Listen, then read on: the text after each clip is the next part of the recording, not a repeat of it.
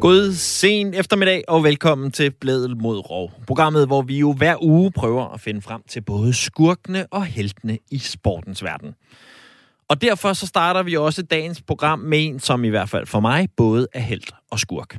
Det drejer sig om tidligere fodboldspiller og landsholdsspiller Allan Nielsen, som altså i dag er havnet på forsiden af Ekstrabladet. Jeg sidder med et eksemplar i hånden. Gemte formue i Panama, står der blandt andet.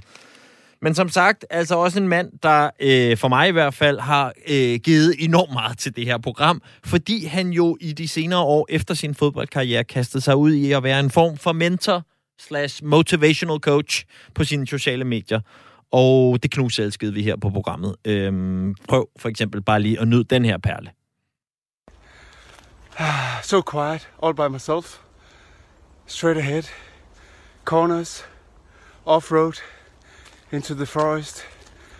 Ah, what's not to like? Unbelievable. Going strong. Keep going. Love you all.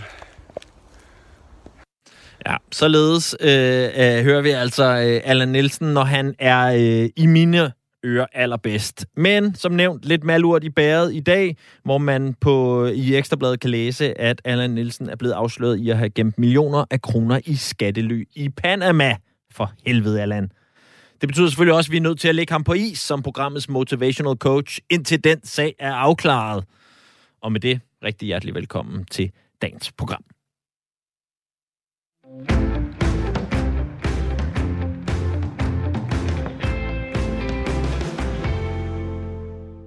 And yeah, regarding picking a nation, I think it's still really early. I haven't actually played for for Denmark yet. Um, I played for England youth teams, but at the same time, I I do feel quite Danish. My mum's Danish. I can speak a decent amount. I can understand a very a very good amount. So in that sense, I don't think it's something that's out of the question at all. Um, and if I did get called up from Denmark, I don't think I'd be saying no. So um, no, I'm excited to see what happens. But for now, let's just focus on what's ja, in front of manden, vi hører her øh, snakke om et opkald fra Danmark, det er Matthew O'Reilly, som tidligere på måneden til den engelske presse øh, fik sagt, at øh, han endnu ikke har besluttet sig 100% om han ville spille for øh, Danmark eller for England som landsholdsspiller, hvis han skulle være så heldig at blive øh, udtaget. Øh, han har nemlig den fordel, den gode Matt O'Reilly, at han har en, øh, et ben i hver lejr. Øhm, hvis vi lige starter med ham øh, som fodboldspiller, så spiller han til daglig for øh, Celtic i det skotske. Øhm, men så er han her i øh, den forgangne uge altså blevet udtaget til U21-landsholdet i Danmark, så der kom det den der opringning fra Danmark, som han øh, snakkede om på, øh, på det bånd, vi lige hørte. Matt er søn af en dansk mor og en engelsk far, opvokset i England, øh, men har altså nu valgt det danske landshold øh, frem for det engelske. Og nu har jeg fornøjelsen af at kunne sige øh, hej til øh, Matt. Hej Matt. Hej. Hej, du er med os fra øh, den danske landsholdslejr i, øh, i Tyrkiet. Øh, Matt, tager vi snakken her på dansk eller engelsk? Hvad er bedst? Vi, prøver på dansk, og hvis vi ikke forstår noget, så siger, siger jeg det bare. Og hvis jeg ikke siger noget, øh, når jeg vil gerne sige det, så, så siger jeg det bare på engelsk, hvis det er okay. Det er perfekt. Øhm, det er lige præcis den, Okay. øh, den ånd, vi, har, vi havde håbet på. Øhm, Matt, øh, øh, I, jeg skal lige øh, starte med at høre dig. Var det det øjeblik, hvor Raheem. Okay. Sterling han filmede sig til et straffespark i EM-semifinalen, at du tænkte, det der, det vil jeg ikke være med til. Jeg vælger Danmark frem for England.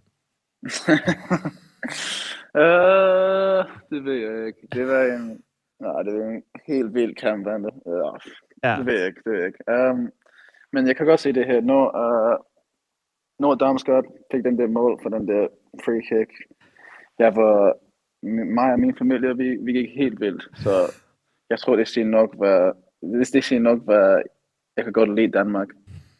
Kan du forstå mig? Ja, helt klart. Øhm, Okay, okay. men det vil sige, du så kampen, Matt, og, øh, og, og havde øh, jo vel også masser af følelser på spil, øh, eftersom du både har rødder i det engelske og i det danske. Ja, det, nej, det gjorde jeg. Det var en...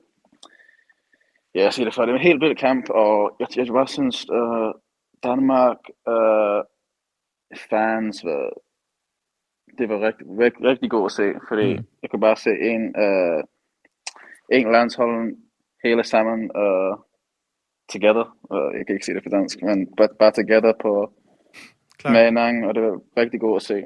Ja. Og hvordan er det, Matt? Har du boet i Danmark øh, nogensinde? Nej, jeg har ikke boet der, men jeg har bare uh, meget gang. Jeg har familie på Horsens og København også.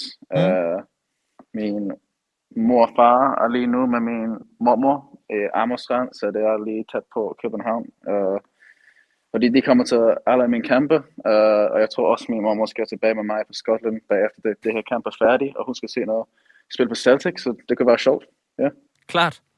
Øhm, og Matt, øh, det der med øh, at vælge i den her omgang det danske øh, landshold, øh, Øh, var det udelukkende et spørgsmål om, hvem der ringede først, øh, eller havde du, øh, var du begyndt at tage et eller andet valg? Nej, jeg har, jeg har ikke snakket med engelsk øh, landsholdet meget. Uh, det siger det godt. Um, jeg har snakket med Jesper og også uh, Morten Weghorst med, fra A-Team. Uh, og vi har en rigtig god uh, meeting, hedder det. Og vi snakker bare meget, og bagefter den der, jeg var bare, okay, jeg vil rigtig gerne komme og spille for, spille for Danmark, og jeg er også heldig nok til at have den her uh, opportunity at være her, så ja, jeg, jeg, jeg, jeg er rigtig glad for det, hedder det. Det er vi også. Vi er øh, glade for dit valg øh, indtil videre. og øh, Matt, øh, hvis du lige skal sætte nogle ord på dig selv som spiller for øh, de danske fans, der endnu ikke helt øh, har styr på, hvor, hvad, hvad du er for en type spiller, hvad vil du så sige?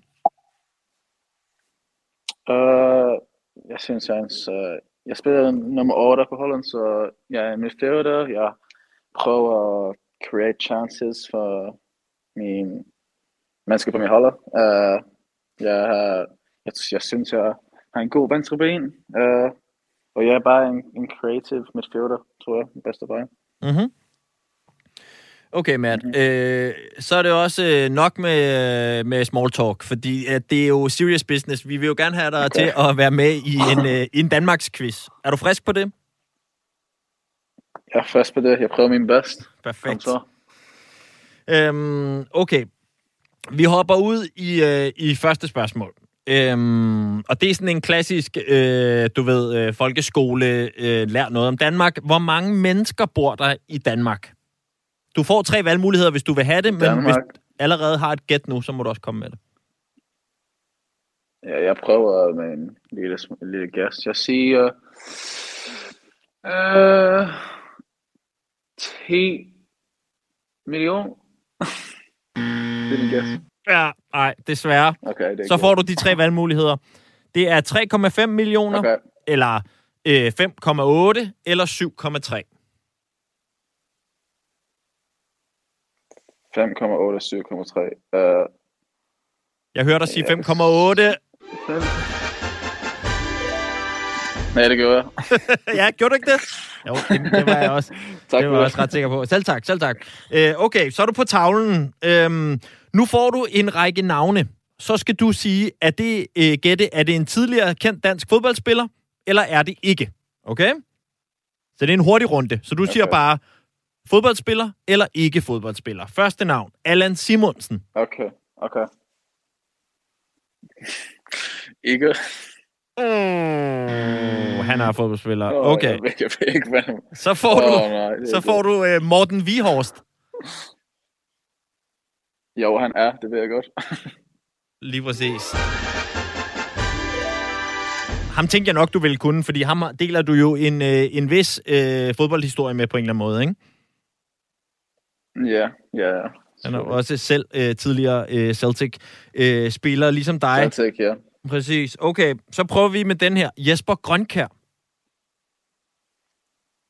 Jeg kender den navn. Jeg siger, ja, han var en spiller. Rigtigt. Jeg kender den der navn. Mm-hmm. Han spillede i Ja. Chelsea blandt andet øh, i en periode. Ja, det Øhm, synes jeg. Okay, Ja, ja. så får du den her. Willy Søvndal. Willy Søndal. Jeg siger nej, fordi jeg kan ikke den navn. det er rigtigt. Han, har Okay, været, han, er, han er politiker og har været minister engang. Øhm, okay, Ah, vi, okay, okay. vi slutter på den her røde Romario. Wow, Mario. Er det et navn? Ja, han hed rigtig Erik Bo Andersen. Han blev kaldt Røde Romario. Nå, okay. Uh, måske jeg siger ja, hvis, hvis I hedder sådan her Romario. ja. Spillede i øh, din Okay. okay. ærkefjende i øh, Rangers i en, øh, i en periode i sin Nå, karriere. okay. Okay. okay. Øh, stærkt, Matt. Øhm, så skal jeg høre dig om noget. Øh, Danmarks dronning. Er du en, er du en royalist? Er jeg en royalist? Ja, Øh, altså, går du meget op i de royale? Nå, uh, ikke så meget. Men Nej. Ved du hvad dronning, Danmarks dronning hedder? Den Danmarks dronning hedder? Uh, nej, det gør jeg ikke. Okay, så får du tre navne her. Det gør Hedder hun, Ma- Okay, ja. hedder hun Mary? Hedder hun Mette? Eller hedder hun Margrethe? Okay, det er en af de sidste to. Jeg, jeg siger med det. Er, det er tæt på på en måde. Det hedder vores statsminister i øjeblikket. Øhm, Okay, tæt på, så- jeg tager det så. Ja, præcis. det er, øh, det er øh, Margrethe, som er det rigtige svar. Okay, okay, okay. Godt. Alright, men øh, nu synes jeg, vi skal kaste os over noget musik. Øh, jeg har fundet Okay, nogle, nogle klassiske danske fodboldsange, altså du ved, ligesom Three Lions i Åh, England, eller altså du okay. ved, sådan nogle, der ligesom har været frem Okay. til en slutrunde, ikke? Så skal du gætte, øh, Okay, ja. hvem der har lavet dem. Du får den første, Okay. du får den første sang her.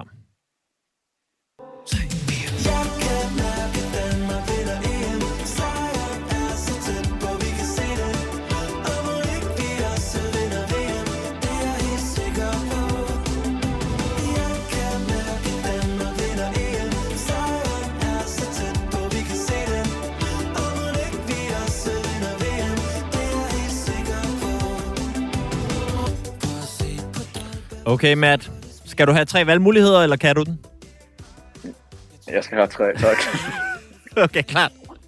Øhm, er øh, artisten, øh, hedder han Gulddreng? Hedder han Lucas Graham? Eller hedder han Top Gun?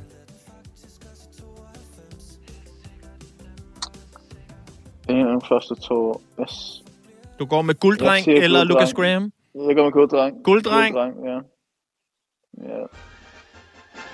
Det er fuldstændig korrekt. Okay, så får du en anden. Det her, Matt, det her, det er en classic, okay? Okay. Kommer her.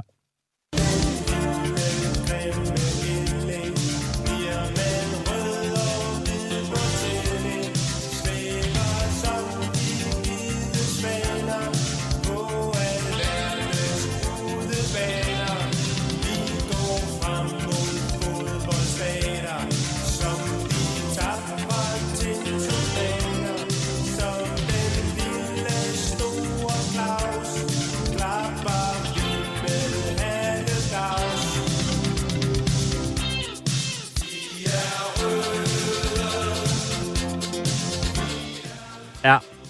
Der kommer vi over i, øh, i omkvædet. Vi er røde, vi er hvide. Ja. Har du hørt den før? Har du stødt på den? Måske, ja, måske jeg har hørt den. Men Mhm. jeg ved ikke, hvor hans navn er. Nej. Ja. Du får tre valgmuligheder. Men måske jeg gør. Ja, måske jeg gør. Du får her, er det enten Tommy Sebak, er det Dodo, eller er det Hannebo? Og jeg kan godt afsløre, at landsholdet synger jo også med. Så, men, oh, nej. så du har. Tommy, Øh. Dodo eller Hanne. Jeg siger Hanny. Oh, det Nej. er Dodo, desværre. Okay, Det er Dodo? Si- ja, det er Dodo. Øhm, sidste sang Okay. kommer her. Vi er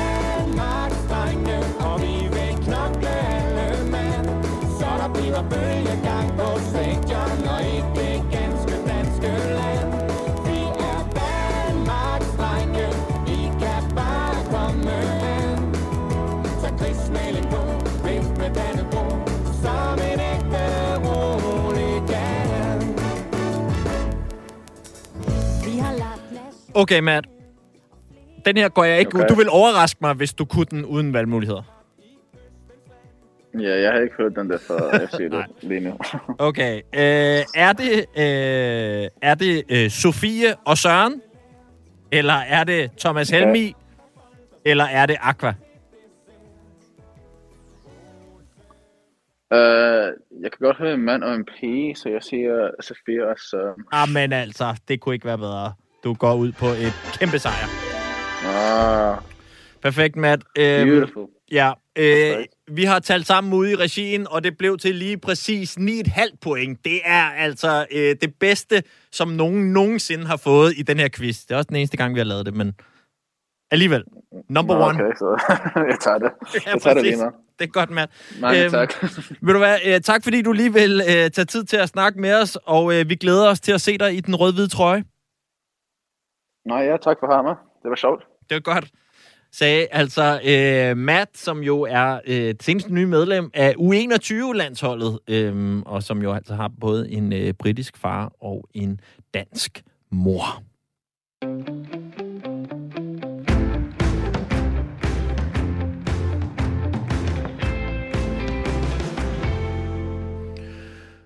Guderne skal vide, at professionelle atleter kan slippe afsted med meget, også alt for meget. Det øh, skal man ikke have lavet det her program særlig længe, før at man indser.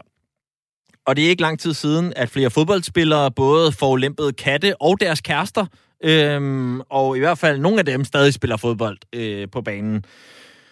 Så på den måde, så hober sagerne sig op. Øhm, og det gælder bestemt også den sportsgren, vi skal snakke om nu, som er amerikansk fodbold.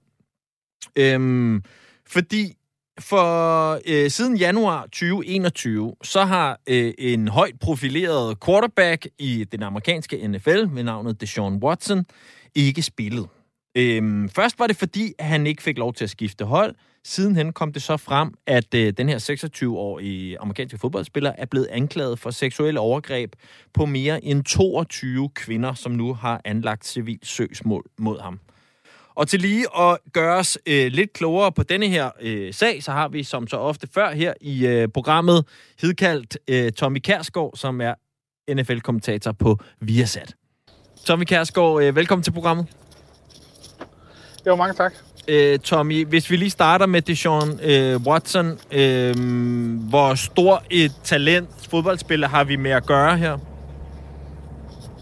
Jamen, øh, et af de største talenter øh, på den aller, aller vigtigste position, øh, der findes. Altså de, de første par sæsoner, han spillede for, for Houston Texans, øh, var, han, var han hele forskellen, fordi det var en et elendigt hold, han kom ind på. Øh, men øh, men han, han er i stand til ene mand øh, at vinde fodboldkampe, fordi at han ligesom er, han, han kan spille på samtlige tangenter. Altså, han er en af de her quarterbacks, der også kan løbe med bolden, få tingene til at ske sent i spillet. Så det er, det, det er et, et top 5 talent på positionen, uden tvivl. Og hvis vi så øh, lige prøver at zoome ind på øh, de her anklager, den her øh, sag, der er havnet på ham. Øh, hvis du lige skal skitsere den op for os, øh, hvad, hvad er det så, den går ud på? Jamen, øh, det er jo 22 øh, kvinder, der er uafhængigt af hinanden, øh, kan man sige. Altså, nogle af dem er selvfølgelig kommet på, efter de hørte om de andre anklager. Men det er ikke ligesom, øh, det er ikke 22 kvinder, der på den måde kender hinanden. 22 forskellige øh, massører, som øh, alle sammen er blevet hyret af Deshaun Watson, og så er blevet udsat for overgreb på den ene eller den anden måde. Nogle kun verbalt overgreb, øh, men andre har også øh, været med, med, med befamling og, og nærmest øh, voldtægt. Og den her sag, øh, hvad har den, øh, hvordan har den fyldt i det amerikanske, mens den ligesom har stået på her? Altså, hvor, hvor, øh, hvor, hvor højt profileret en sag har vi med at gøre? Øhm, altså, vi er jo ikke oppe på, vi er ikke oppe på J. Simpson-niveau, øh, øh, men den har fyldt en del. Altså, de her sager begynder heldigvis også i amerikanske medier at fylde mere. Men det Houston Texans så gjorde sidste sæson, øh, fordi den, den startede jo allerede inden den sæson, der lige er blevet færdigspillet. Mm. Det de så gjorde, det var simpelthen, at de, øh, at de bare lod være med at spille ham. Øh, så han, øh, han trænede faktisk for sig selv øh, det meste af, af sæsonen, og så lod de ham simpelthen bare være. Og på den måde forsøgte de ligesom at dyste ned, og jo også på grund af, at mange var i tvivl om, hvor ender. Der var jo to sager, kan man sige. Sådan er det jo til det amerikanske system. Der var det kriminelle søgsmål, og så var der det civile søgsmål. Og det, det, der ligesom er blevet afvist nu, det er jo det kriminelle. Det vil altså sige, at det er anklageren, den offentlige anklager ligesom har sagt, vi rejser ikke en sag mod Deshaun Watson. Øhm, men det civile søgsmål kører stadigvæk imod ham, altså de her 22 kvinder, der har sagsøgt ham. Og så er sagen jo så fået nyt liv, fordi han så øh, bliver tilbudt en ny kontrakt i en ny klub med Cleveland Brown. Øhm, og hvad er det så, kritikken har gået på i den sammenhæng? Jamen, øh, altså, der er jo rigtig, rigtig mange niveauer i kritikken. Altså, for det første starter kritikken jo med, at det er med det samme, at det her, øh, at, at, at den offentlige anklager, han ligesom siger, vi rejser ikke en sag. Med det samme, det skete, så faldbyder 7-8 forskellige NFL-hold sig lige med det samme til Houston Texans og siger, vi vil gerne have det John Watson. Og allerede det er jo en smule skamligt, når der stadigvæk ligesom er en, en civil sag imod ham. Og der ikke rigtig er nogen endnu, der ligesom har fattet hoved og hale i den her sag, udover at man bare må tage det rimelig seriøst, at 22 kvinder øh, anklager den samme mand øh, for, for forbrydelser. Øh, så det er ligesom det, er det første kritikken er gået på. Hvorfor er der så mange hold, der gerne vil have ham her? Og så kan man så pege direkte på Cleveland Browns, fordi de var nogle af dem, der bød sig til, men det er jo en, en organisation, der er kendt mest for at tabe kampe. Øh, og derfor var det Sean Watson ikke særlig interesseret i at komme til Cleveland Browns, indtil at de så lavede en, en historisk kontrakt i NFL, hvor de fuldt garanterer hele lønnen. Og det, det er bare ikke noget, man gør i NFL, og slet ikke øh, beløb af den her orden. Altså vi er, vi er oppe over, over 200 millioner dollars, det vil sige over en milliard kroner, som de garanterer det er Sean Watson. Lige meget hvad der sker, lige meget om han kommer i fængsel, det gør han så ikke på grund af, at, det, at søgsmålet kun er civilt nu, men lige meget om han bliver dømt i retten øh, for, at de her anklager egentlig holder vand, øh, selvom at han øh, kommer i karantæne i ligaen for sin opførsel, så vil han stadigvæk få alle de her mange millioner dollars af, af Cleveland Browns. Og det er selvfølgelig noget, som, som Cleveland Browns skal udskammes for, og også bliver det en smule i hvert fald i amerikanske medier. Ja, Tommy, fordi altså, du er jo øh, livslang fan af NFL, og hvis man er fan af en sportsgren, hvor der er mange penge involveret, så øh, er man vant til at blive skuffet på det etiske barometer, øh, når øh, de forskellige klubejere og så videre, de begynder at folde sig ud. Og alligevel, så var det her en sag, der øh, kunne jeg fornemme, fik dig til ligesom at blive øh, ekstraordinært øh, skuffet eller vred. Hvordan kan det være? Jamen fordi, at øh, jeg, jeg synes jo, at samfundet øh, flytter sig generelt, og jeg synes faktisk også, at NFL har flyttet sig på nogle parametre i en mere ordentlig retning. Altså, de har øh, godt nok på deres eget øh, sådan, øh, hvide rimandsagtige måde forsøgt at gøre noget for minoriteter i USA, forsøgt at gøre en forskel. Øh, og så falder de bare tilbage i den her gamle, klamme honningfælde, hvor det egentlig bare handler om talentet, og det egentlig bare handler om, at her er en spiller, der kan vinde os kampe, og så kan vi egentlig nærmest tilgive alting. Øh, og det synes jeg er skamligt, og jeg synes, det er ekstra skamligt i den tid, vi lever i nu. Øhm, og det, der så gør mig glad, kan man sige, det er jo så, at kritikken er meget, meget hårdere, end jeg nogensinde før har set den. Både fra medier øh, og fra fans. Men, men det er jo bare, altså det er simpelthen så uklædeligt, og det er så, så stor en skamplet på, på sporten, at NFL's ejere bliver ved med at opføre sig på den her måde, og bliver ved med bare at, at vende blinde øh, øje til, når vi har øh, unge mænd, der, der simpelthen ikke kan finde ud af at, at, at, at behandle den magt og den status, som de har fået på en ordentlig måde. Og øh, så er det store spørgsmål, øh, kommer vi til at opleve Deshaun i øh, NFL igen? Ja, jeg er sikker på, at vi kommer til at opleve ham i NFL igen. Øh, jeg, er, jeg er stadigvæk sådan lidt altså, i tvivl om, hvor meget han kommer til at spille i den her sæson. For et par måneder siden ville jeg have sagt, at han kommer helt sikkert til at få en karantæne. Men øh, jeg har også en fornemmelse af, at NFL vil forsøge at gemme sig bag ved det her med, at, at, øh, at den offentlige anklage imod ham ligesom er, er frafaldet.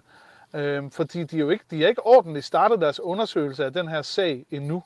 Cleveland Browns har jo været ude med en stor pressemeddelelse om, at de har undersøgt sagen fuldstændig til bunds, og de har talt med Sean Watson om den. Men bemærkelsesværdigt er det jo også, at de har ikke talt med de, de her 22 kvinders advokat. Og selvfølgelig vil han også fremlægge, altså hvis de taler med ham, vil han fremlægge sagen øh, ud fra, fra, fra de parter, som han nu repræsenterer. Men det ville have været klædeligt for Browns, i det mindste måske bare lige have hørt fra de her kvinders egen lejr, hvad er det, de anklager det Sean Watson øh, for. Og det sagde altså uh, Tommy Kærsgaard, som er NFL-kommentator på uh, Viasat og uh, vores go-to-guy, når vi skal blive klogere på uh, den liga. Tak for det, Tommy. Selv tak.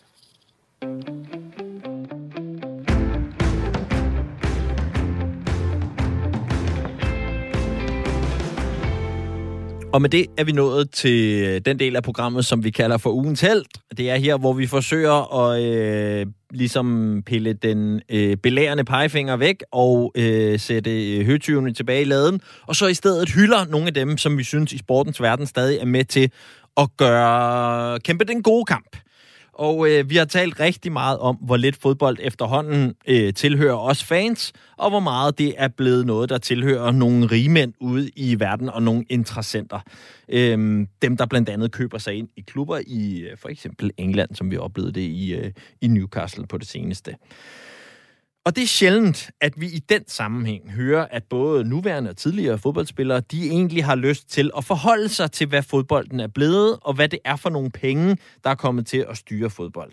Og da slet ikke, når det handler om rettighedshavere og andre, som rent faktisk dækker de store ligaer. Altså, der er jo masser af sådan nogen som mig, som sidder her, øh, og som ikke har desværre rettighederne til at sende Premier League. Og så kan jeg jo snilt sidde og bjeffe af og pege fingre.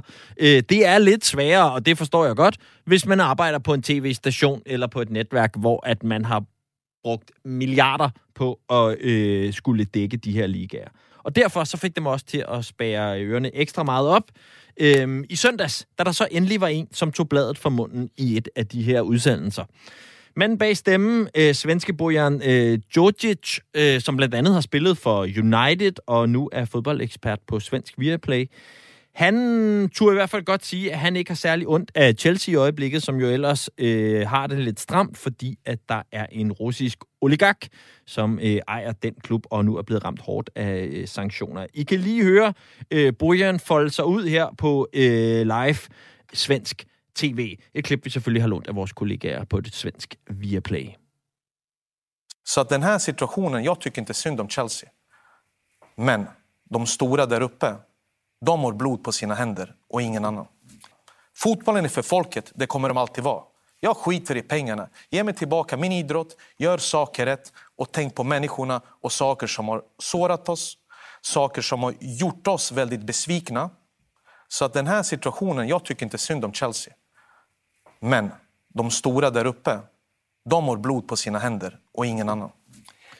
Ja, blod på øh, hænderne, når han taler om øh, Chelsea, og det er heller ikke til at tage fejl af, hvad han mener om øh, moderne fodbold. Militalt rasende over, at der heller ikke er nogen, der har forsøgt at gøre noget ved udviklingen de mange øh, sidste øh, år. Chelsea kommer fortfarande fortsätta leva. Men det här, förlåt, jag tänkte svära, hyckleriet som har blivit mot moderna fotbollen. Har inte Premier League vetat var Abramovic pengar har kommit ifrån de senaste 20 åren? Det är frågan jag vill ställa till dem. Vad är det för regelverk de har när saudiska ägare kan köpa Newcastle, allt som finns dokumenterat med de mänskliga rättigheterna. Där skiter de fullständigt i, för maktmissbrukarna, makt, makthavarna fyller sina, pengar, fyller sina fickor med pengar och skiter i oss normala. Vem lider när det är krig? Jo, normala människor. Ja, øh, Bojan, øh, som jo altså også her i talsætter hyggeleriet i, at det er nu, at øh, Premier League og, øh, hvad skal man sige, øh, hele systemet pludselig har et problem med Abramovics penge i Chelsea for eksempel, når det længe har været dokumenteret, at de har været problematisk, de må, den måde, at de penge er kommet til verden på, og han peger så også på Newcastle, og de nye saudiske ejere, øh, der er øh, der. Der er ikke nogen tvivl om, at øh, Bojan, han er øh, ugens held her i programmet.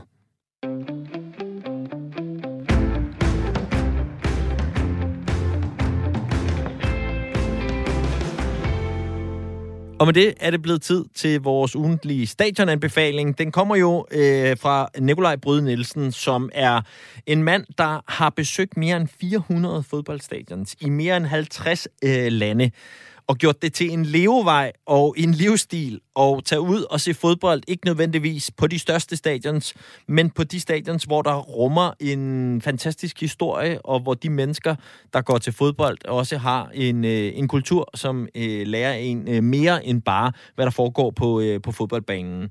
Øhm, og øh, Nikolaj, han har øh, i den her uge taget et stadion med til os, som øh, er i Italien. Mere præcis, så skal vi til Genua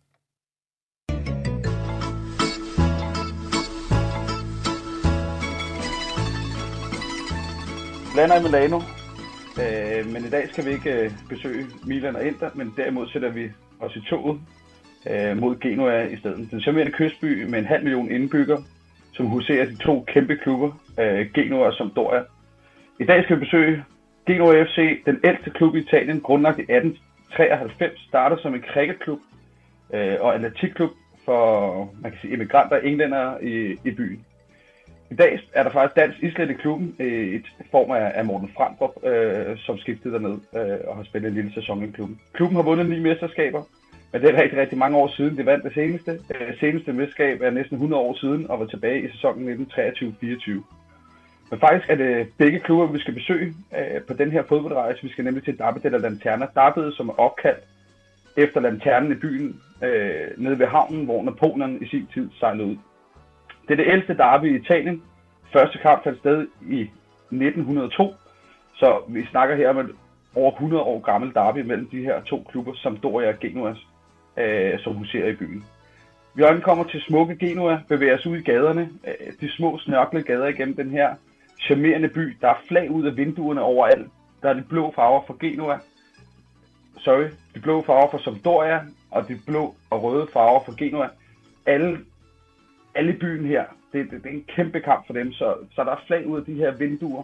Folk kører rundt på scooter, de bytter, de har flag på scooterne, de har holdets farver på.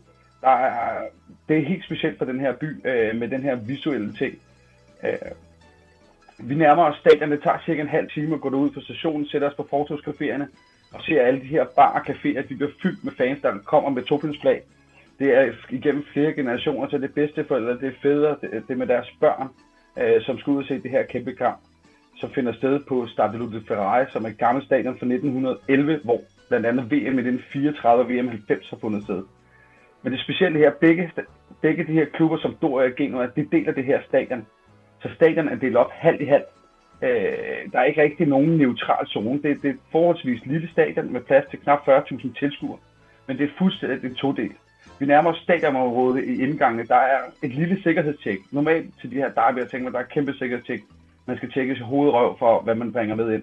Men man har en fredsaftale hernede. Det betyder også, at, at der ikke rigtig er gang i gaderne på, på den hårde måde, men det er den visuelle måde med rom og lys, med kanonslag, øh, med flag og sangen. Men, men inde på stadion for de her fans mere eller mindre lov til at tage romerlys med ind, og det giver en fuldstændig vanvittig atmosfære herinde i det her todelte stadion, som er blåt på den ene side og rødt på den anden side, og kæmpe tifoer og romerlys på hele stadion, og en vanvittig intim stemning, da det er et lidt atypisk gammelt italiensk stadion, hvor man har fjernet løbebanen, øh, og man derfor sidder tæt på stadion, eller tæt på banen. Så det her derby er i min optik det aller, aller bedste i Italien, det mest stemningsfyldte, der hvor man mærker byen øh, hele dagen, den, den lever for det her derby, det lever for de her to klubber. Det er ikke kun stadionområdet, det er simpelthen hele byen, som har taget hele den her kæmpe derby de la til sig, og, og det giver en helt unik stemning og oplevelse øh, for folk i byen, og specielt hvis man kommer for turist, som turist, så mærker man, at det er noget fuldstændig unikt. Så en kæmpe anbefaling herfra. Afsted til Genua, Derby de la Lanterna, men ellers også bare Genua som Sampdoria, de her gamle, traditionsrige klubber, som har nogle rigtig store fanbaser. Det er et besøg værd i hvert fald. Så lød anbefalingen altså fra øh, Nikolaj, som jo er grundlægger af Groundhopping Tours og stifter af landsholdsrejser. Nikolaj, som er sød og giver os en stadionanbefaling hver eneste uge her i programmet.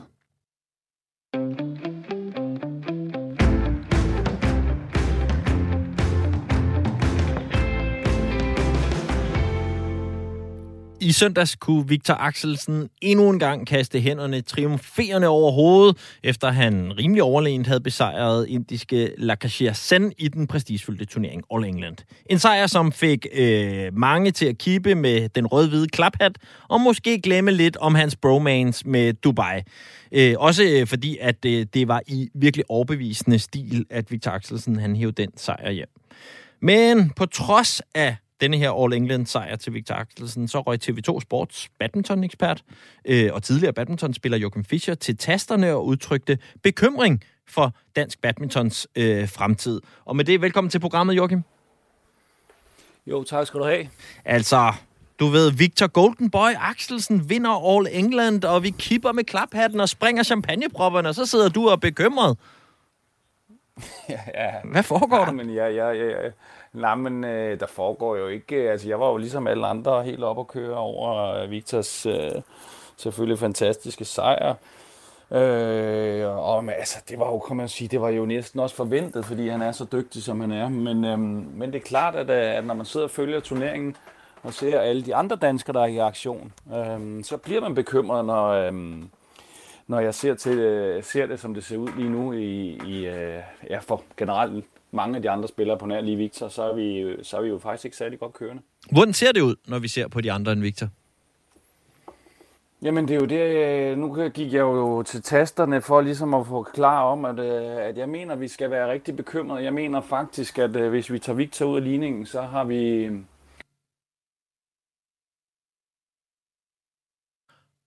Der mistede vi lige forbindelsen til Joachim. Lad os se, om ikke lige... for. Sorry, uh, Joachim. Ja, kan I høre mig? Ja, nu kan vi igen. Der var bare lige et, uh, Ja. et, et hul lige der, hvor du var i gang med at forklare om, Ja. uh, hvorfor det egentlig er, at der er god grund til at være bekymret. Jamen altså, der er grund til at være bekymret, fordi jeg som sagt det ikke, øhm, jeg ikke ser, at, øh, at vi er særlig godt kørende på nær med hensyn til Victor. Og, øh, og i og med, at vi er så stor en badminton-nation, som vi er, og, og vi er, vi er virkelig øh, har stor respekt i, i de store badminton-nationer af landene ude i Asien. Men jeg kan jo godt mærke, at de kommer jo også til mig nu, nogle af spillerne, tidligere spillere, deres træner, siger, hvad, hvad, hvad fanden laver I i Danmark? Hvor er alle, hvor er alle jeres verdensstjerner henne? Og hvor er de henne? Hvor langt væk er øh, dem øh, nummer 2, 3, 4 og, og 5 i, i Danmark fra det niveau, de burde være på, hvis vi ligesom skulle leve op til vores, øh, hvad skal man sige, standard som, øh, som badminton-nation? Ja, men altså det er klart, det, i Hersing-kategorien er vi, jo, er vi jo godt kørende, især med Victor. Vi har også Anders Antonsen, som har, har et rigtig, rigtig, rigtig højt niveau, og også en af verdens bedste badmintonspillere. Men det, som der bare jo altid har været med badminton øh, i, i Danmark, det er, at vi har altid været rigtig gode i dubbeldiscipliner. Vi har været gode i herredobbel, vi har været rigtig gode i mixed vi har, været, vi har også været gode i, i damedobbel og tilbage øh, i både Camilla Martins tid og Tine Bavns tid, hvor vi også super gode i damesengen. Og der halter vi altså efter. Øhm, når vi konkurrerer til så store mesterskaber som til et All England, så er vi jo nærmest ude før turneringen er startet, og det, og det er det, jeg er bekymret over. Og øh, altså, når vi... Når du skriver, øh, at øh, hvis vi lige ser på Victor Axelsen, når du så skriver, øh, at han stiller øh, op for Danmark, men ikke som repræsentant for badminton Danmark, øh, hvad betyder det så? Det betyder jo sådan set, at han er jo, når man, når man repræsenterer Danmark, så er man med, øh, eller landsholdet og er på landsholdstræning, så er man, så skriver man under på en, øh, på en, en spilleraftale. Øh, Og det, her, det skal alle spillerne, der, der i princippet stiller, stiller op og, og repræsenterer badminton Danmark. Den aftale har Victor jo ikke skrevet under i og med, at han ikke er, han, han ikke er en, øh, en del af selve badminton Danmark setup'et mere. Han stiller heldigvis, meget heldigvis op for Danmark, og det vil han altid gøre, men, øh, men ellers så har han jo ikke så meget med, hvor, med badminton Danmark at gøre. Øhm, og det er ligesom derfor, jeg tager ham lidt ud af, af, af, contents nu, fordi at, øh, nu kigger jeg meget på alle de andre spillere. Fordi vi kan jo sige, at Victor er jo ikke en del af vores, øh, vores daglige træning mere. Og er det egentlig øh, et problem, som vi kan give Victor skylden for at have valgt Dubai frem for os, eller er det dansk badminton, der ikke har været god nok til at tilbyde en pakke, der gjorde, at han, øh, at han ikke øh, at han var blevet? Ej, jeg tror, jeg tror nu ligesom, at Victor havde, havde jo ligesom taget det valg, som han ville. Øh, og han, han synes, der skulle ske noget nyt i hans badminton øh, karriere. Han ville have nogle nye udfordringer. Det, kan, det har vi jo snakket meget om og frem og tilbage. Og det var ligesom ikke det, der var min pointe ved, at jeg, jeg skrev den her historie. Det var jo ligesom om at fortælle, at, at, at man fra Badminton Danmarks side ikke må sidde øh, og, øh, og ikke tage det her seriøst lige nu, fordi at hvis vi tager Victor ud af turneringen til All England, så har vi, øh, så har vi en herre med tilbage i kvartfinalen, og resten de er ude. Øh, og det, det er jeg egentlig generelt er bekymret om, fordi at, øhm, at øh, vi kan ikke følge med de stærke kine, øh, kinesere, indonesere og de nationer lige i øjeblikket. Derfor mener jeg, at der skal sadles om nu, inden det ender med at gå helt galt. Og det er jo så allerede gået lidt galt, kan man sige, fordi som du i hvert fald beskriver her, så har det, så er det slået et knæk, og øh, kan du få øje på, hvor er det, det er gået galt henne?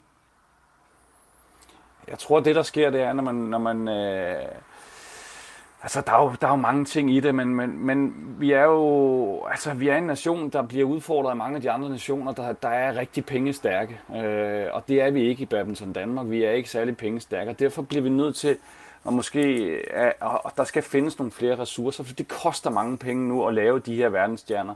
Der skal investeres, øh, investeres mere tid i dem, og, og spillerne skal op på en større træningsmængde, end de nogensinde har været.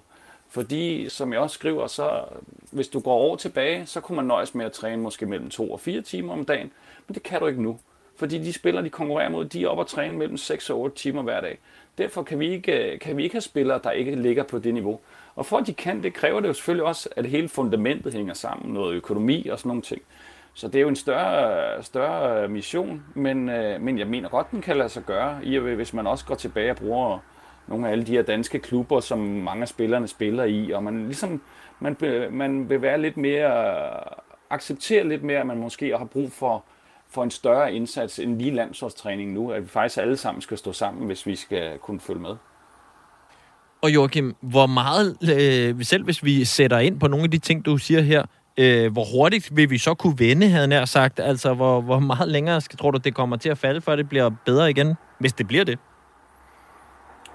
Mm, jeg tror nok, det kan blive bedre igen. Det tror jeg helt sikkert godt nok. Men jeg tror, man bliver nødt til at acceptere, hvor man er henne lige nu. Øh, jeg snakkede med, jeg har løbende de sidste par år snakket med nogle af dem, der står for det i Indonesien og Malaysia, som også var sakket bagefter, blandt andet sakket efter Kina og Japan.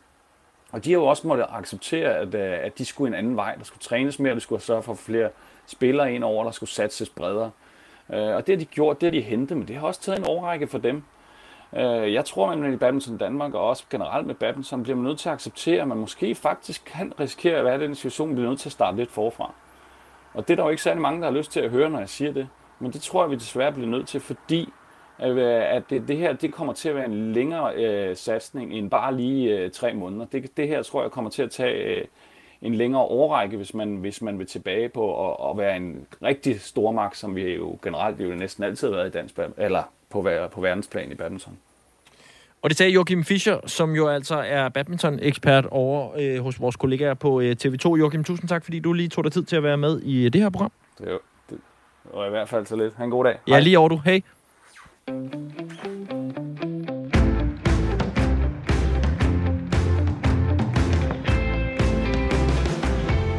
lytter til Bladet mod Rov her på øh, Radio 4. Og nu skal vi i hvert fald for det her program, som godt nok fagner bredt, og øh, både har sin øh, klamme øh, arm over i både sport og politik, øh, til noget, som vi ikke er omkring særlig ofte, nemlig teater. Fordi på lørdag så er der verdenspremiere på dramatiseringen af Stig Tøftings selvbiografi, fodboldspiller Stig Tøfting. Øhm, en biografi, der er tilbage fra 2005 med titlen No Regrets. Og det er på øh, Teater Svalegangen i Aarhus. No, der lød jeg meget eller nielsen i min udtalelse af No Regrets. Øhm, nå, lad os lige nappe en trailer for teaterstykket. Stig, Stig, Stig, Stig! Kom No Regrets handler om en overlever. Om fodboldspilleren Stig Tøfting. Om hans liv på godt og ondt. No Regrets er en tur gennem den labyrint, som Stig prøvede at finde igennem under hele hans karriere. Det handler om benhård fightervilje til at kæmpe for liv. Sideløbende med et privatliv, som han ligesom også var nødt til at holde fast om, imens han var all over the place. Ja, sådan her lyder øh, traileren. Og for at få et indblik i, hvordan man tager en fodboldspiller og løfter ham og hans historie oppe på øh, teater... Øh, scenen, så har vi øh, tidligere i dag haft talt med hovedrolleindhaver øh, Morten Kær, altså skuespilleren, som spiller øh, Stig Tøfting. Og øh, reporter øh, Regitze her på programmet fangede ham tidligere i dag øh, og startede med at spørge ham om, hvad er det egentlig, det her teaterstykke, det handler om? Uh, no Regrets handler om Stig Tøfting, fodboldspilleren, der øh, har haft en lang, god fodboldkarriere, øh, men som er lidt af en kontroversiel fodboldspiller, øh, da han øh, i, altså var en af de hårde spillere, en, en hård nyser på banen, øh, og han, ikke nok med at han også var en hård nyser på banen, så var han også lidt en hård nyser uden for banen, så han i mange øjne var lidt kontroversiel. Øhm, og for at ligesom komme alle de her øh, hvad kan man sige, fordomme i møde, så valgte han at skrive en biografi i 2005, øh, som vi nu har omsat til et teaterstykke. Og hvad er du selv øh, fodboldinteresseret? Ja, det er jeg. Øh, Jeg har ikke spillet så meget fodbold selv, men jeg har altid fulgt rigtig meget med i fodbold og fodboldresultater og statistikker. Jeg er en rigtig statistikmand, så jeg går ofte ind på bold øh, søndag aften eller mandag morgen og kigger på, hvem der er topscorer i de forskellige ligaer, og hvordan det går danskerne rundt i, i Europa og sådan nogle ting. Øh, Så jeg, jeg, jeg følger egentlig ret meget med, øh, og ved også, hvem der spiller Champions League. Og, ja, Klart. Så Stig Tøfting var ikke en ukendt herre for dig, da du øh, blev spurgt om, om du ville spille ham i det her stykke? Over, overhovedet ikke. Jeg, jeg, jeg, jeg vidste udmærket, hvem han var, og har set rigtig mange landskampe, hvor han jo var med. Mm. Hvad tænkte du første gang, du så læste? Jeg ved ikke, om du også har læst bogen, øh, men i hvert fald manuskriptet. Jo, altså, vi har læst bogen en 3-4 gange, øh, og jeg synes, jeg efterfølgende hver gang har haft en, er blevet rørt, øh, og er blevet sådan energifyldt, hvis man kan sige det, øh, fordi at, øh, at Stig, han er sådan en korkprop, som han selv beskriver det, der hele tiden, øh, der hele tiden kommer op til vandoverfladen. Altså han, øh, det kan være, at han er glemt, eller lige pludselig føler han, at han er lidt glemt, men så dukker han op igen. Og den sådan fornemmelse øh, havde jeg også, sådan, da jeg havde læst den, sådan, at, at, øh, af, af glæde øh, og energi. Jeg havde lyst til at løbe en tur, samtidig med, at jeg havde lyst til at græde. Øhm, øh, fordi at, at, at, at han også bare har været udsat for så mange vanvittige ting. Øh, nogle af dem har han måske været selvforskyldig, eller det har han været selvforskyldig. i. Øh, fængselsdom og voldsdom og sådan noget, men, men, men også øh, hans forældres øh, død og, og, hans, øh, og hans søn Jon, der også øh, øh, gik bort øh, af meningitis og sådan nogle ting. Øh, så, sådan, så selvfølgelig forstår jeg ham på nogle punkter, når jeg havde læst, da jeg havde læst bogen. Ja. Så derfor så tror jeg også bare, at jeg var fyldt af, ja, som jeg sagde før, glæde og øh, energi og, og ømhed og sorg og alle mulige følelser. Og det skulle ligesom bare løbes ud. Mm. Ja. ja, og han har jo haft et ret øh, turbulent liv, øh, må man sige, helt fra, fra barns ben nærmest. Øh, hvordan har det været at skulle forvandle sig, så at sige, til, til Stig Tøfting, og, og sådan, hvad har du gjort for at, at komme karakteren til livs? Jamen først så startede jeg med at, ja, og, og, læse bogen øh, nogle gange og, og understrege, øh, hvad jeg synes, der var vigtigt at få med. Øhm, og så i september måned, slut august, der startede jeg i et træningsforløb øh, for at blive øh, større øh, muskelmæssigt, øh, få et par bredere skuldre øh, og, øh, og, og spise en masse protein. Og det har jeg sådan set gjort øh, lige siden. Øh, så hver tredje uge har jeg fået et nyt træningsprogram fra en øh, træner, jeg har haft tilknyttet. Øh, og så her den sidste måneds tid, der har jeg så intensiveret selve træningsdelen og har øh, kottet af, som man siger, altså har lagt i kalorieunderskud for at komme ind til alle de muskler, der var bygget op øh, siden, siden august. Øhm, og øh, så det er jo den helt fysiske del, øh, at jeg har, jeg har forberedt mig rigtig godt, og, og så øh, øh på, på manus og på at skulle være Stig Tøftings kar- karakteren, jamen der har jeg lavet en, en, en, en god analyse af bogen, biografien. Jeg har været ude og gå en tur med ham, snakket med ham. Jeg har set ham i øjnene, øh, og, og vi har snakket. øh, samtidig med, at jeg jo har, har knoklet med manuskriptet og replikkerne og gjort dem til, til Mortens Stig. Ja. Har, øh, har Stig øh, set stykket endnu, eller har været med til nogle ja. forpremiere eller et eller andet? Ja, ikke endnu. Altså, han har været inde og se nogle prøver, øh, og, og det har været super fedt. Øh, han kom også lige op bagefter lige og skulle give mig et par noter. Det var ret fedt. Øh, lige at sige, at det hedder ikke, øh, han hed ikke Brandenburg, han hed Brandenborg. Nå, ja, okay. Der står der altså bare lige en Stig Tøfting derovre for en og giver en noter. Det var ret fedt. Ja, det, det, det, er Ja. ikke, det kommer ikke bag på mig, at det, det virker meget Stig Tøfting-agtigt at gøre, på, gøre det på den måde. Ja, præcis. Ja, Øhm, det er meget korrekt. Øh, ja. Ja om hvordan, øh, altså glæder du dig til, at han skal se øh, stykket i, sit, i sin helhed? Helt vildt. Helt vildt. Jeg er også spændt på det. Øh, øh Jeg er spændt på, hvordan øh, jeg selv reagerer øh, bagefter øh, i mødet med ham. Og, og øh, jeg, altså, jeg glæder mig helt vildt til, at han skal se det. Jeg er enormt det kan man vel godt uh, måske jinx det lidt, det ved jeg ikke, men jeg er faktisk enormt stolt af det her, vi har lavet. Um, og jeg synes, det er super, super fedt, og jeg glæder mig helt vildt til at skal lave det og spille premieren på lørdag. Vi har haft nogle forpremiere her de sidste par dage, og det, um, det har virkelig været en kæmpe fornøjelse. Super fedt, at publikum er der. Så jeg glæder mig bare ekstremt meget til, at han kommer på lørdag, og til alle andre kommer på lørdag. Selvfølgelig. Øh, lige her, helt til sidst. Kan, synes du, at vi kan lære noget af Stig Tøfting og hans historie? Ja, det synes jeg. Jeg synes, øh, jeg synes man kan lære det, at man, øh, at man ikke skal give op øh, og blive ved med at og, og, og arbejde og kæmpe for det, man vil. Så kan det godt være, at man den forsvar, man, det skjold, man sætter op, at det, øh, det er lidt hårdt, og, og nogen, måske i Stigs tilfælde er det måske også for hårdt, det ved jeg ikke. Men, men i hvert fald, så, øh, så den drivkraft og det drive, øh, synes jeg, man kan lære rigtig meget af. Øh, ja, og så, øh, så kan man måske arbejde med at åbne lidt mere op, så man både følelsesmæssigt måske står lidt stærkere og ture, og være lidt mere modig og, og sige, at jeg tager også fejl, i stedet for hele tiden at skal, skal kæmpe for øh, ikke at vise svaghed.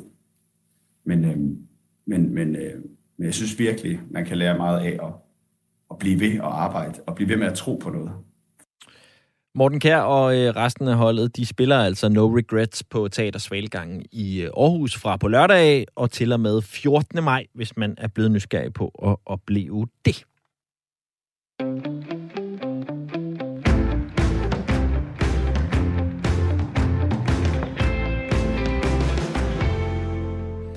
I sidste uge her i programmet, der øh, talte vi med en forsker i Sydøsteuropas nyere historie. Og øh, årsagen til, at vi gjorde det, det var fordi, at øh, hun er rigtig klog på Serbien blandt andet. Og Serbien er et af de danske landsholds modstandere i de her to kampe, der kommer øh, i den øh, kommende uge. Og øh, lige netop Serbien er der noget lidt særligt ved øh, rent politisk, øh, fordi at det er et land, der i hvert fald på nogle parametre øh, er ret så begejstret for Putin, som ellers resten af Europa har ret travlt med at være meget lidt begejstret for i de her dage, kan man vist roligt sige. Så derfor så øh, fik vi Thea til lige at gøre os lidt klogere på, hvor det er, at denne her kærlighed, om du vil, til Putin, den kommer fra i, øh, i, i Serbien. Og det øh, kunne jeg godt tænke mig, at øh, vi lige tog et kort genlyt til her, hvor Thea Sindbæk Andersen, hun sætter nogle ord på det. Hvad tænker du Thea, i hvor høj grad er den her støtte til Rusland et udtryk for størstedelen af serberne, eller er det en lille højt råbende gruppe? Øhm, oh, det er faktisk et svært spørgsmål at svare på, fordi det er flere forskellige ting. Mm. De meget højt råbende er jo en lille gruppe. og, og som du også sagde, 4.000 i gaderne, det er mange mennesker, men så er det heller ikke flere. Mm. Øhm, og der var jo også demonstrationer, der støttede Ukraine øh, i Beograd. Øhm, det, som er sagen, det er, at den serbiske befolkning er meget delt. Øhm, og den konservative del, som er dem, som er pri- den primære øh, parlamentariske grundlag, eller hvad, hvad vælgerne for, for, for Vucic og for, og for hans parti, de er typisk mere pro-russiske end alle dem, der ville noget andet. Øhm, så, så, så de er der. Men nu er det også sådan, at politisk deltagelse i Serbien er ikke særlig stor. Så, så det er sjældent, nogle gange er det ikke engang halvdelen af vælgerne, der stemmer til valg. Så det kan være sådan lidt svært at, at sige noget helt præcist. Men så er der det der med de højt råbende grupper, ikke? og det er jo vildt interessant, det her, han siger med, at på stadioner er der ikke pro-Ukraine-flag. Men til gengæld så er det jo sådan, at traditionen mellem serbiske hooligans er jo... Altså, der er en del, der er en del af de der hooligangrupper, som er meget pro-russiske og meget øh, konservative og slaviske og mm. kristne og holder af Putin, og det bruger de jo altså også som sådan en det var altså også en kritik af Vest. Og det er også sådan en, en, en kulturel alliance mod Vesteuropa og, og, og mod NATO. Og det nogle underlige, voldelige, aggressive typer, og nogle af dem har også trådet tilbage til krigene, hvor nogle af dem kæmpede frivilligt, og vi ved, at en klub som Røde Stjerne hylder nogle af de dømte krigsforbrydere fra, fra, fra krigen i Kroatien. Så, så det, det er sådan en underlig... Altså, det, det, den serbiske fodboldkultur er underlig med det her. Og de er altså meget højt råbende, nogle af de her typer. Men det gør dem ikke til et flertal, det gør dem meget mm. til meget larmende. Fortalte altså Thea Sindbæk Andersen, som er forsker i Sydøsteuropas øh, nyere historie, om Danmarks kommende landsholdsmodstander i fodbold, netop Serbien, som vi spiller mod på øh, tirsdag i, øh, i næste uge. Og det blev det sidste i øh, dagens program. Der er øh, masser af god radio på vej til dig her på øh, kanalen, så bliv endelig hængende i første omgang i form af en omgang øh, nyheder her, hvor klokken den er blevet 18.